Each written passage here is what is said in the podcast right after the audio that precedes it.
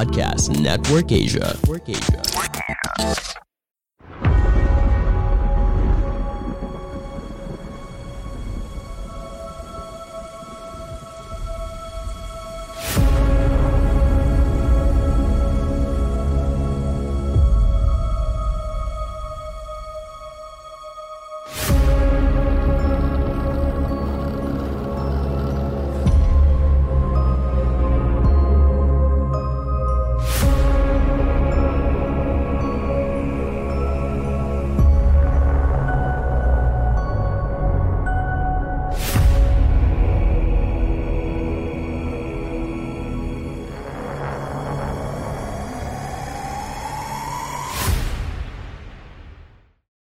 Halo semuanya, nama saya Iksan, balik lagi dengan aku di sini di podcast dengerin horor.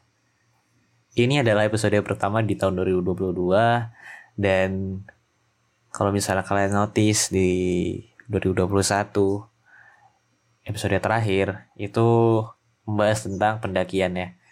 Pendakian di sebuah pegunungan dan kali ini di episode pertama juga pertama kali di tahun 2022 ini kita bakal bahas tentang pendakian lagi nih yang mana ini adalah salah satu topik yang sangat disukai salah satu pendengar-pendengar podcast dengerin horor gitu kan.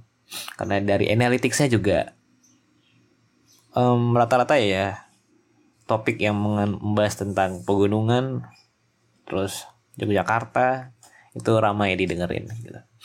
So ini ceritanya bakal lama ya saya di um, read jadi kayak sit back and relax aja enjoy the story dan santai aja gitu ya.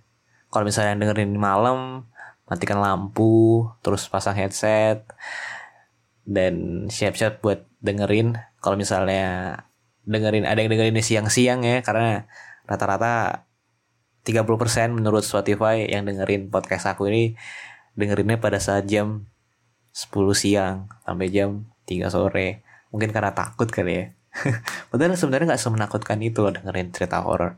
Mungkin karena bawaan dari gua entah gimana kali ya. ya udahlah ya.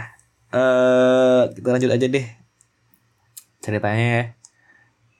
So ini cerita dari akun Twitter @sarangdemit. Ini akun Twitternya baru dan mulai aktif nulis juga di Twitter. Dan dia membahas tentang pendakian Gunung Asupan. Bacanya gimana? Asupan ya. Karena tulisannya A S E U P A N. Jadi pendakian Gunung Asupan.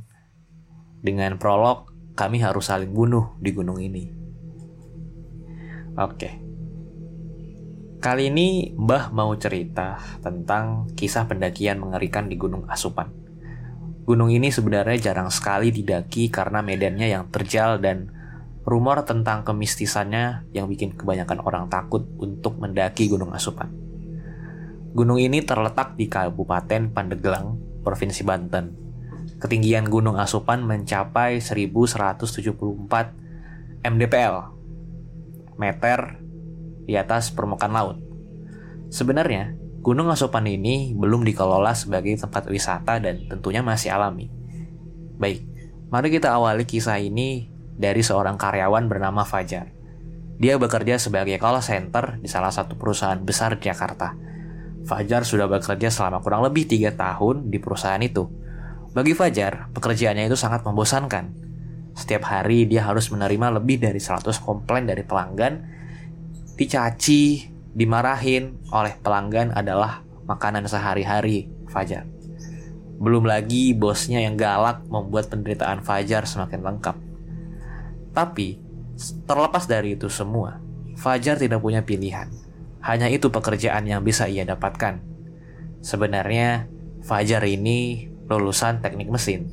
Tapi, setiap kali dia melamar pekerjaan yang sesuai jurusannya, dia selalu ditolak dan posisi call center lah satu-satunya satu-satunya pekerjaan yang didapatkannya. Terpaksa Fajar harus bertahan dengan pekerjaannya itu. Si Fajar adalah seorang rantauan dari Jawa Tengah. Setelah lulus kuliah, dia memutuskan untuk mengadu nasib Jakarta. Nah, suatu hari dia mau ngambil cuti tahunannya untuk liburan. Setiap tahun, Fajar memang selalu mengambil cutinya khusus untuk liburan. Ya, untuk melepaskan kepenatan di kantor. Namun, tahun ini dia ada rencana. Maksud aku, dia belum ada rencana mau liburan ke mana.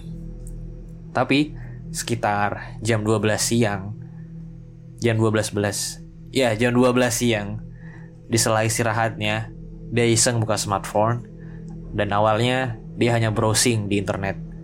Namun tiba-tiba di layar smartphone-nya muncul iklan open trip. Nah, Open trip adalah jasa perjalanan ke suatu destinasi dengan paket yang telah ditentukan dan memiliki kuota peserta yang tidak terlalu banyak. Otomatis, kalau Fajar ikut open trip, maka dia akan bertemu dengan orang-orang asing. Fajar tersenyum saat melihat iklan di layar smartphone-nya. Dia pun mengeklik iklan itu. Ada banyak sekali pilihan destinasi wisata pada halaman web itu. Fajar bingung karena semua destinasi yang ditawarkan sangat menarik. Kemudian dia pun memilih wisata ke Gunung Bromo.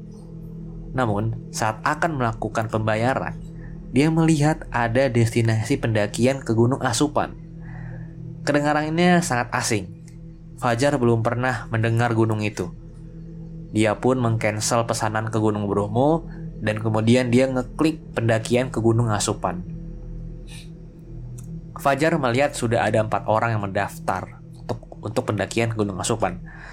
Dia menutup halaman web OpenTrip dan mulai mencari informasi tentang Gunung Asupan. Informasi yang ia dapatkan cukup minim. Yang Fajar garis bawahi adalah gunung itu jarang sekali didaki dan pastinya masih sangat asri. Dengan cepat, Fajar membuka kembali website OpenTrip dan langsung memesan satu tiket untuk pendakian Gunung Asupan. Kebetulan pendakiannya masih dua minggu lagi, jadi Fajar bisa mengajukan cuti dari sekarang. Siang itu, selepas istirahat, dia langsung menghadap supervisornya untuk mengajukan cuti. Fajar mengajukan untuk empat hari, namun hanya di ACC tiga hari saja. Fajar tidak masalah karena pendakiannya hanya butuh dua hari dan satu harinya untuk istirahat. Mau ke mana loh? Tanya supervisornya sambil mendadatangani lembaran cuti milik Fajar. Ngedaki gunung mas, jawab Fajar sumringah. Gunung apa? Tanya supervisor. Gunung Asupan mas, jawab Fajar. Gunung apaan itu? Gak pernah denger. Timpal supervisor. Kini dia menoleh ke arah Fajar. Di Padeglang mas.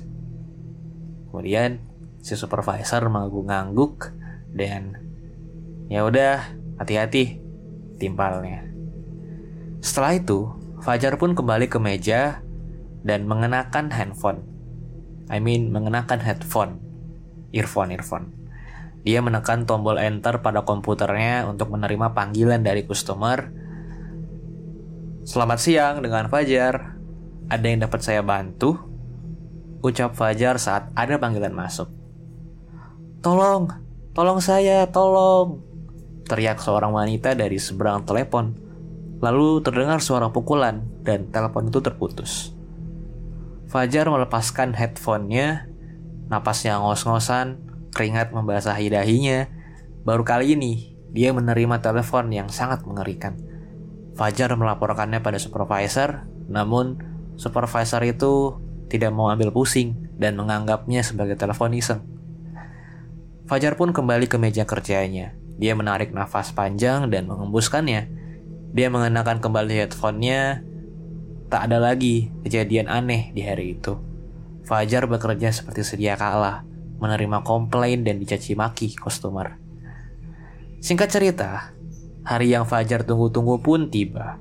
Di kamar kosnya, dia mempersiapkan semua perlengkapan dari mulai jaket, tenda, kantong tidur, dan peralatan, peralatan hiking lainnya. Titik kumpulnya di stasiun Tanah Abang, tepatnya jam 9 pagi. Untungnya sebelum jam 9, Fajar sudah berada di stasiun Tanah Abang. Bertemu dengan Mas Goro, seorang pemandu wisata dan dua orang peserta lelaki bernama Arif dan Bakti. Jadi Fajar di stasiun Tanah Abang bertemu dengan Mas Goro, seorang pemandu wisata dan dua orang lelaki bernama Arif dan Bakti.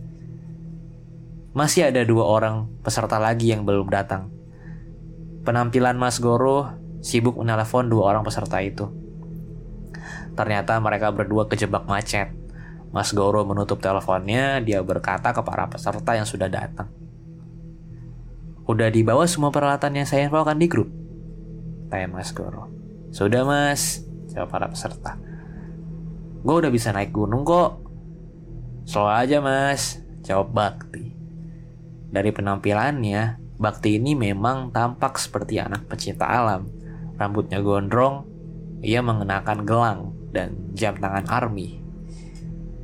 Tak lama kemudian, kedua peserta itu akhirnya datang. Ternyata mereka berdua adalah wanita yang cantik. Fajar sampai bengong melihat kecantikan kedua wanita itu. Umur mereka kisaran 24 tahun. Kedua wanita itu menggendong tas karir dan tampak sangat energik. Mereka memperkenalkan diri mereka, namanya Intan dan Sekar. Sama seperti peserta lainnya, kedua wanita itu juga tidak saling kenal. Open trip memang ajang untuk mencari teman baru. Karena semua peserta sudah kumpul, Mas Goro pun menyuruh mereka untuk masuk ke dalam kereta. Perjalanan dari Tanah Abang ke Rangkas Bitung memakan waktu kurang lebih dua jam. Sepanjang perjalanan, para peserta saling berkenalan. Mereka semua ramah kecuali Mas Goro dan Bakti. Kedua lelaki itu memang bersikap dingin. Mas, nanti dari stasiun Rangkas kita naik apa ya? Tanya Fajar. Oh, nanti kita naik mobil charteran yang langsung menuju Jiput. Jawab Mas Goro. Tubuh Mas Goro terbilang tinggi, tinggi besar seperti tentara, kulitnya juga sawo matang, dan dari penampilannya itu, sudah bisa ditebak kalau dia memang ahli dalam mendaki gunung. Mereka pun akhirnya tiba di stasiun Rangkas Bitung. Sudah ada mobil charteran yang menunggu mereka di parkiran. Mas Goro dan para peserta masuk ke dalam mobil itu. Mereka harus sempit-sempitan di dalam mobil itu. Lain kali, sewa mobil jeep aja mas, kata Bakti dengan wajah kesal. Mas Goro tidak menanggapi, dia hanya menatap Bakti dari spion mengemudi. Mobil yang mereka tumpangi perlahan berjalan menuju Jiput. Obrolan ringan kembali terjadi sepanjang perjalanan menuju Jiput. Ternyata Intan adalah seorang pegawai bank. Sekar penjaga toko buku, sedangkan Arif seorang IT di perusahaan ternama dan Bakti adalah seorang pengangguran. Gua nganggur, kata Bakti saat teman-temannya baru menanyakan perihal pekerjaannya. Setelah Bakti menjawabnya dengan nada datar, tak ada seorang pun yang berani bertanya lagi pada Bakti. Sebenarnya, Bakti ini anak orang kaya. Dia tidak mau bekerja bukan karena malas, tapi sedang menyusun rencana untuk membangun sebuah usaha jaket. Itu sekarang yang dipikirkan Bakti. Tapi sayangnya dia belum melakukan langkah apa pun karena sibuk naik gunung. Bakti sudah mendaki gunung-gunung terkenal yang ada di Jawa, dan Gunung Asupan benar-benar membuatnya penasaran karena memang gunung itu jarang sekali didaki. Mereka sempat ketiduran di mobil hingga akhirnya sampailah mereka di Jiput, tepatnya di desa Sikulan. Desa itu menjadi jalur masuk ke Gunung Asupan Sebelum masuk ke jalur pendakian, mereka diberi arahan dulu oleh Abah Maat. Dia tetua di desa itu. Dia paham sekali soal gunung asupan dan larangan-larangannya. Ingat, hati-hati di gunung ini. Pikiran kalian harus bersih, tidak boleh berbuat mesum, tidak boleh makan langsung dari panik atau alat masak lainnya. Oh, panci maksudnya. ini gue bacanya panik ya soalnya dia ngetiknya panik coy setelah gue pahami oh ternyata panci Oke, lanjut ya. Tidak boleh makan langsung dari panci atau alat masak lainnya. Harus pakai piring atau daun. Jangan coba-coba memetik tanaman langka kantong semar dan jaga perkataan kalian. Begitu ucap Abah Maat. Mas Goro dan para peserta lainnya mengangguk. Sekitar jam 3 sore pendakian pun dimulai. Mas Goro berjalan paling depan, sedangkan Bakti ke belakang akan ada empat pos yang harus mereka lalui untuk sampai ke puncak. Tak lama kemudian, kaki Intan terpeleset. Fajar buru-buru membantunya. Dan, hati-hati, jalannya licin, kata Fajar sambil tersenyum. Terima kasih, jawab Intan. Perjalanan pun dilanjutkan. Jalan setapak semakin tertutup, semak belukar, Mas Goro harus menebas semak itu untuk membuka jalan. Tunggu, ucap Bakti. Tiba-tiba dia menghentikan langkahnya. Ada apa? Tanya Mas Goro. Kalian dengar gak sih? Dari tadi di belakang kita tuh kayak ada pendaki lain. Gua ngedenger langkah kaki. Kata Bakti. Empat peserta lainnya saling tatap. Mereka serentak menggelengkan kepala. Jangan nolamun. Kebanyakan orang hilang di gunung itu karena melamun, kata Mas Guru. Alah, gue udah biasa kali di gunung. Gue gak percaya sama yang gituan, tahayul. Kata Bakti dengan ketusnya. Seketika saja Mas Guru tersentak. Dia menoleh ke Bakti. Hati-hati kalau bicara. Aku hanya memandu kalian untuk sampai ke puncak. Tapi kalau ada hal buruk, yang terjadi karena ulah kalian sendiri, aku tidak tanggung jawab, ucap Mas Goro. Intan dan Sekar mulai deg-degan. Arif memberitahu Bakti agar tenang dan jangan arogan. Tapi Bakti tidak menghiraukannya. Perjalanan kembali dilanjutkan. Bakti berjalan sambil bersiul di belakang. Intan seketika saja memberhentikan langkahnya. Bakti, jangan siul, Kata orang tua zaman dulu, bersiul bisa mendatangkan setan. Ucap Intan. Iya, gue juga pernah dengar soal itu. Mendingan cari aman aja Bakti. Jangan bersiul. Pokoknya kita harus hati-hati, kata Fajar. Halah, kalian semua kebanyakan nonton film horor. Lagi-lagi Bakti tidak memerdulikan saran temannya itu. Semakin lama, suasana pegunungan itu semakin berkabut. Mas Goro dan para peserta harus menyalakan senter agar pandangan mereka tidak kabur. Tak lama kemudian, Mas Goro memperhatikan langkahnya. Ada apa mas? Tanya Fajar. Mas Goro mengendus-enduskan hidungnya, terciumlah bau melati yang sangat menyengat. Dia pun balik badan dan menatap para peserta. Bakti, apa yang udah lu lakuin? bentak Mas Goro. Kali ini dia benar-benar marah. Gua gak ngapa-ngapain mas. Emang kenapa? Tanya Bakti. Iya kenapa mas? Tanya peserta lainnya. Bohong lu. Bentak Mas Goro. Dia menerjang peserta lainnya untuk menghampiri Bakti. Mas Goro memeriksa kantong celana Bakti. Dia pun menemukan dua tumbuhan kantong semar.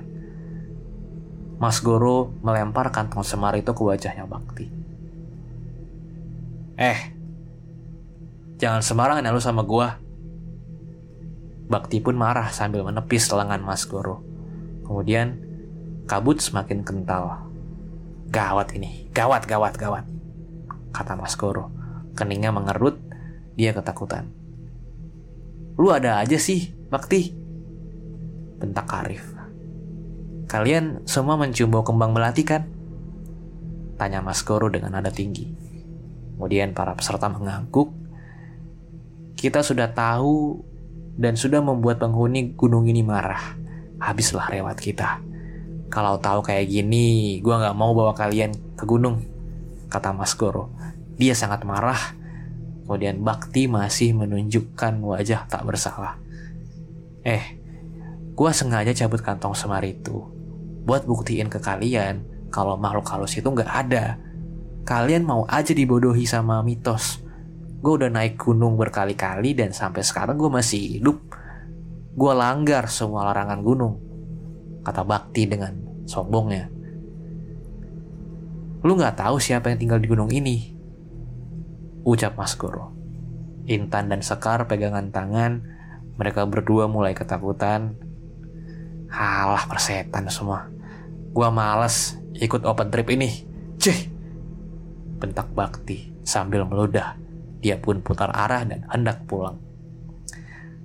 Peserta yang lain sudah mengingatkan Bakti, tapi lelaki itu memang keras kepala. Dia pergi begitu saja. Arif hendak menyusul Bakti, tapi Fajar melarangnya. Sudah, sudah, biarin dia pulang. Lagi pula Bakti sudah biasa di gunung, kata Fajar. Arif pun menurut, mereka pun melanjutkan perjalanan, namun Mas Goro meminta pada para pada empat peserta yang tersisa untuk berdoa agar terhindar dari gangguan makhluk halus. Sekitar 15 menit kemudian, mereka semua dikagetkan dengan kemunculan bakti yang sedang menuruni gunung di jalur yang sama. Ini aneh sekali, padahal barusan bakti pulang. Kenapa tiba-tiba dia berpapasan dengan Mas Goro? Bangsat, apa nih? Bakti jengkel saat menyadari kalau dirinya dipermainkan oleh makhluk gaib. Intan dan Sekar merengek minta pulang. Mereka ketakutan, sementara itu Mas Goro tertunduk. Ia juga bingung apa yang harus dilakukannya. Kini makhluk gaib gunung itu sudah mulai mempermainkan mereka. Kenapa gue berpapasan sama kalian sih? kata Bakti. Napasnya ngos-ngosan, padahal dari tadi dia yakin kalau jalur pulang yang dia tempuh itu sudah benar. Saat mereka sedang sedang kebingungan, terdengarlah bunyi bunyi lonceng dari kejauhan. Mas Goro menebas semak belukar, dia mencari permukaan tanah yang agak datar untuk mendirikan tenda karena hari sudah mulai gelap. Dan setelah berusaha menebas semak-semak, Akhirnya dia menemukan permukaan tanah yang lumayan datar. Kita berkemah di sini. Pendakian dibatalkan, besok kita pulang. Saya akan usul ke perusahaan agar mengembalikan uang kalian. Kata Mas Goro sambil mengeluarkan tenda doomnya. Lahan itu hanya cukup untuk tiga tenda saja. Satu tenda diisi oleh dua orang, tendanya Intan dan Sekar berada paling tengah, dan sekitar jam 9 malam, mereka menutup tenda untuk tidur. Tak ada obrolan atau acara api unggun. Mereka hanya makan mie instan yang dia masak menggunakan kompor portable. Setelah itu mereka bergegas tidur. Tengah malam, semua orang sudah tidur kecuali Fajar. Entah kenapa dia susah sekali untuk tidur. Fajar pun menyalakan handphonenya. Ia senang karena ada satu jaringan yang masuk ke handphonenya. Ada beberapa pesan yang masuk, dia membalasnya satu persatu. Saat ia sedang membalas pesan yang masuk, terdengar suara lonceng dari kejauhan. Kemudian Fajar buru-buru memasukkan handphonenya ke dalam tas dan memejamkan matanya. Dia sangat ketakutan. Tepat jam, jam 7 pagi, mereka dikagetkan dengan suara Intan yang menjerit dari dalam tendanya. Semua orang berhamburan mengambil tenda Intan mereka kaget saat melihat tubuh Intan penuh luka sayatan. Percikan darah kering memenuhi wajahnya. Napas yang ngos-ngosan tepat di hadapan Intan. Ada sekar terkapar tak bernyawa. Ada dua buah garpu yang menancap di lehernya. Kedua matanya melotot. Bangsat! Hah? Bakti teriak. Dia kalap saat melihat jasad sekar.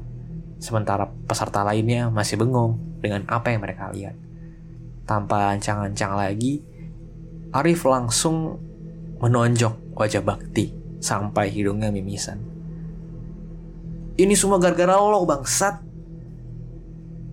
Arif menindih tubuh Bakti dan mengantamkan tinjunya dalam posisi ground and pound.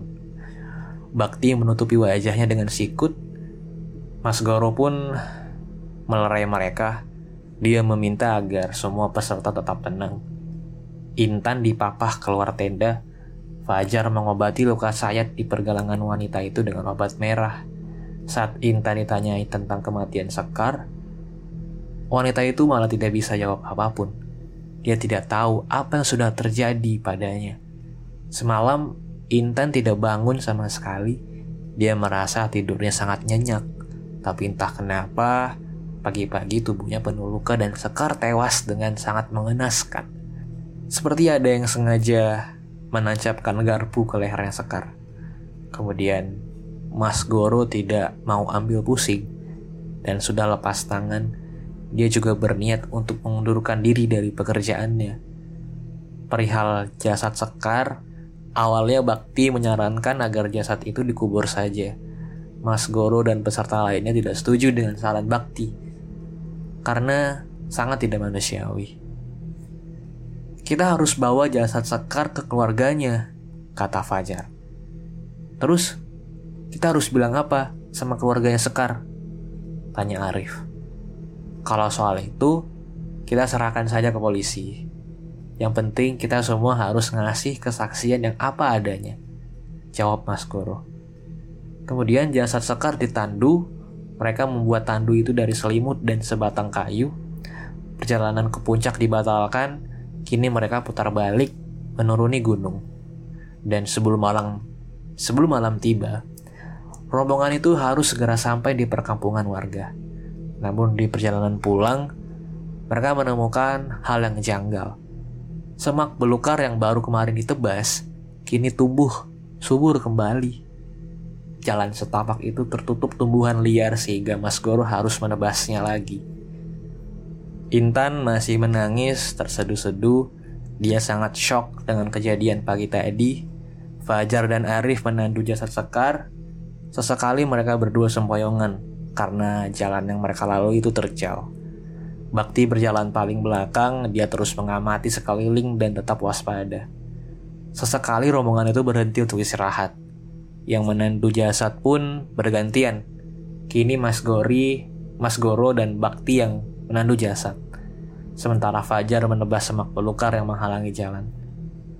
Empat jam kemudian, Mas Goro menyuruh rombongannya untuk berhenti. Dia merasa ada yang tidak beres.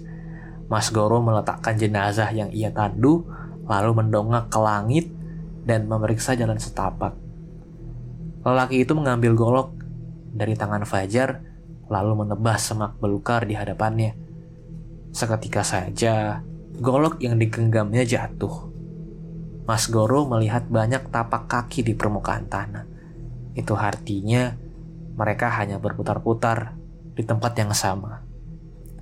Mas Goro berlutut, wajahnya sangat ketakutan. Bakti dan Arif melihat tapak kaki itu. Mereka berdua langsung kesal. Bakti berteriak dengan kencang. Woi, keluar kalian. Mau kalian apa, hah? Teriak Bakti. Mas Koro menyuruhnya untuk diam. Saat itu juga lonceng kembali terdengar dari kejauhan. Siapa itu yang memukul lonceng? Kata Fajar. Mas Goro tidak menjawab pertanyaan Fajar dan malah melanjutkan perjalanan. Namun sayangnya malam pun tiba. Mereka terus berputar-putar di satu tempat. Mas Goro pun memutuskan untuk kembali mendirikan tenda. Jasad Sekar dibiarkan terbaring di luar tenda. Tubuhnya ditutupi selimut. Intan tidak berani tidur sendirian. Dia tidur bersama Arif dan Fajar. Sementara Mas Goro satu tenda dengan Bakti. Setelah makan mie instan, uh, mereka pun bergegas tidur. Tengah malam, Fajar terbangun.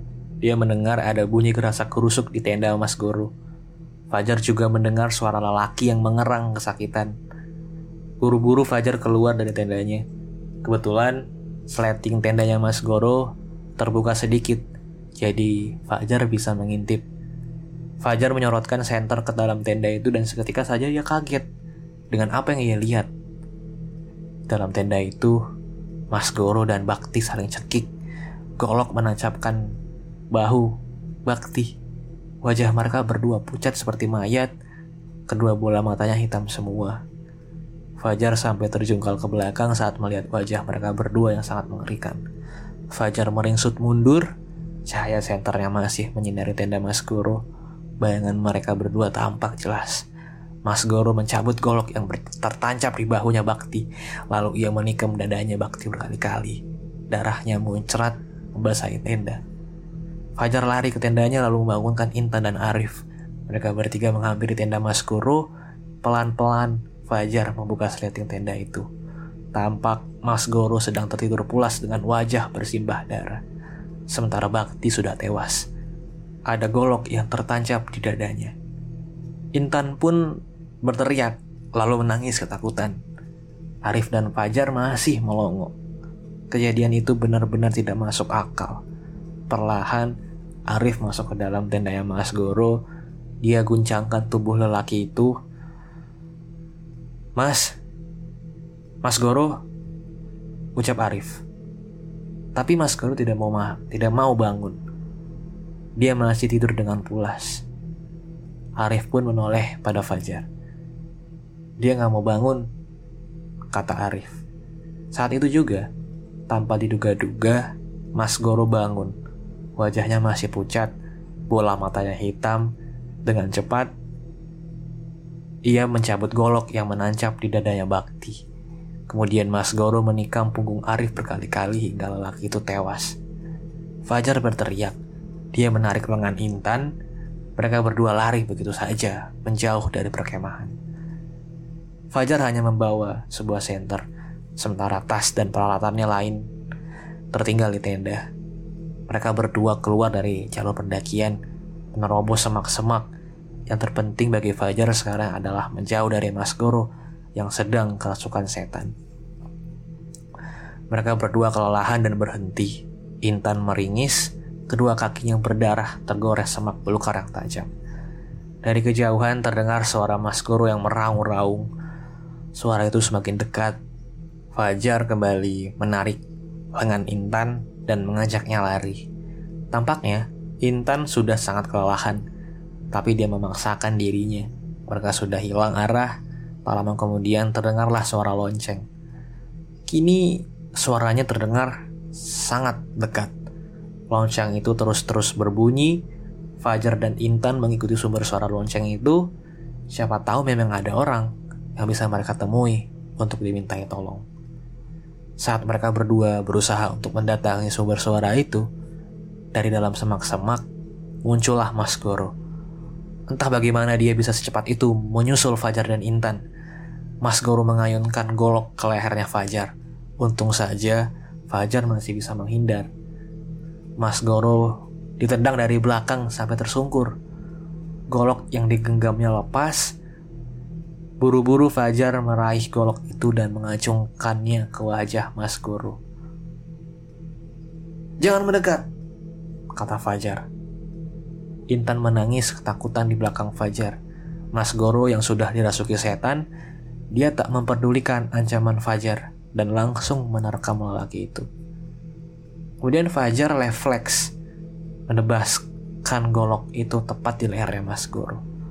Danahnya muncrat, Mas Goro berlutut, tubuhnya lemas, ia pun tewas seketika.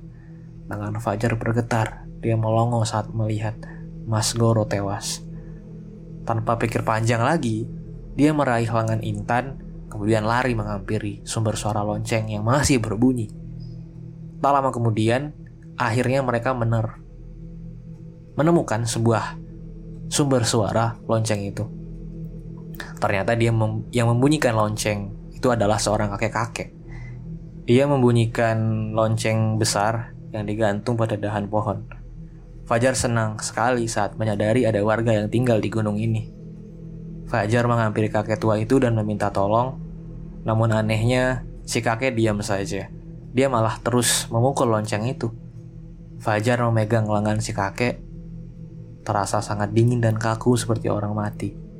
Si kakek itu pun menoleh pada Fajar. Tapi wajahnya datar. Kalau kalian mau selamat, naiklah ke puncak. Di sana ada makam keramat, bersiarah, dan Minta maaflah, ucap si kakek. Tolong tunjukkan jalan menuju ke sana, kek, ucap Fajar. Si kakek pun menunjuk ke arah barat. Ternyata tak jauh dari sana, ada jalan setapak. Fajar dan Intan pun pamit. Mereka naik ke puncak gunung asupan dengan hanya berbekal senter. Sialnya, di tengah-tengah perjalanan, Intan malah kesurupan. Dia menerkam wajah Fajar hingga terjungkal. Kedua mata Intan hitam semua. Dia berusaha mencekek lehernya Fajar. Untung saja lelaki itu masih bisa bertahan. Tangan kanan Intan berhasil meraih sebuah kayu yang ujungnya lancip. Kemudian kayu dihujamkan ke wajahnya Fajar. Tapi tidak kena. Fajar berhasil menghindar. Intan! Sadar Intan! Sadar! bentak Fajar. Intan masih berusaha untuk membunuh Fajar. Dia mengangkat kembali kayu lancip lalu mengarahkannya ke leher Fajar. Dan sebelum kayu itu berhasil dihujamkan, Fajar menendang tubuh Intan sampai terpental jauh. Tubuh wanita itu menabrak batang pohon. Dia pun pingsan begitu saja. Fajar tidak mau ngambil resiko. Dia mengikat kedua kaki Intan dengan gespernya. Tangan Intan juga diikat dengan tali yang Fajar cabut dari jaketnya. Fajar menyorotkan senter, ternyata puncak memang sudah dekat. Dengan sisa tenaga yang ada, Fajar membopong tubuh Intan dan membawanya ke puncak. Ia sempat sempoyongan, namun akhirnya dia berhasil membawa wanita itu ke puncak. Perkataan lelaki tua itu memang benar. Ada sebuah kuburan yang Batu nisannya dibungkus dengan kain putih. Itu pasti kuburan keramat. Fajar pun bersiarah di kuburan itu. Dia berdoa sebisanya, bahkan menggunakan bahasa Indonesia. Dia juga meminta maaf atas perbu perbuatan temannya yang tidak mematuhi aturan. Dan saat itu juga, tubuh Intan terkapar di dekat kuburan. Matanya melotot, dia berteriak kesakitan. Wajahnya pucat, banyak urat yang menjalar di wajahnya. Kemudian Fajar ketakutan melihat wajah Intan. Wanita itu mengamuk, tapi untungnya Fajar sudah mengikat kedua kaki dan tangannya. Saat Intan berteriak, entah kenapa, kepala Fajar terasa sangat pusing. Pandangannya kabur, dia pun terkapar, tak sadarkan diri di dekat kuburan. Singkat cerita, keesokan paginya, ada rombongan orang yang membangunkan Fajar. Mereka adalah tim pencarian orang hilang. Namun, mereka datang ke gunung ini bukan untuk mencari rombongan Mas Guru, tapi untuk mencari sepasang kekasih yang dinyatakan hilang secara misterius. Kabarnya baru tersebar dua hari lalu. Makanya, gunung ini tidak segera ditutup. Perlu diketahui, dua minggu sebelum rombongan Mas Guru mendaki, Memang ada sepasang kekasih yang melakukan pendakian gunung ini, namun mereka tak pernah kembali. Tim penyelamat tak bisa menemukan sepasang kekasih itu, namun mereka berhasil menyelamatkan Fajar dan Intan. Kondisi Intan dan Fajar sangat lemah, sehingga mereka harus ditandu. Selesai. Terima kasih teman-teman yang sudah mendengarkan podcast ini di episode pertama tahun 2022. Aku Iksan. Sampai jumpa lagi di episode berikutnya. Dadah.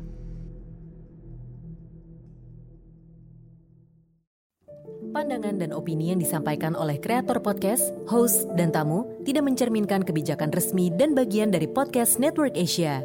Setiap konten yang disampaikan mereka di dalam podcast adalah opini mereka sendiri dan tidak bermaksud untuk merugikan agama, grup etnik, perkumpulan, organisasi, perusahaan, perorangan, atau siapa pun dan apa pun.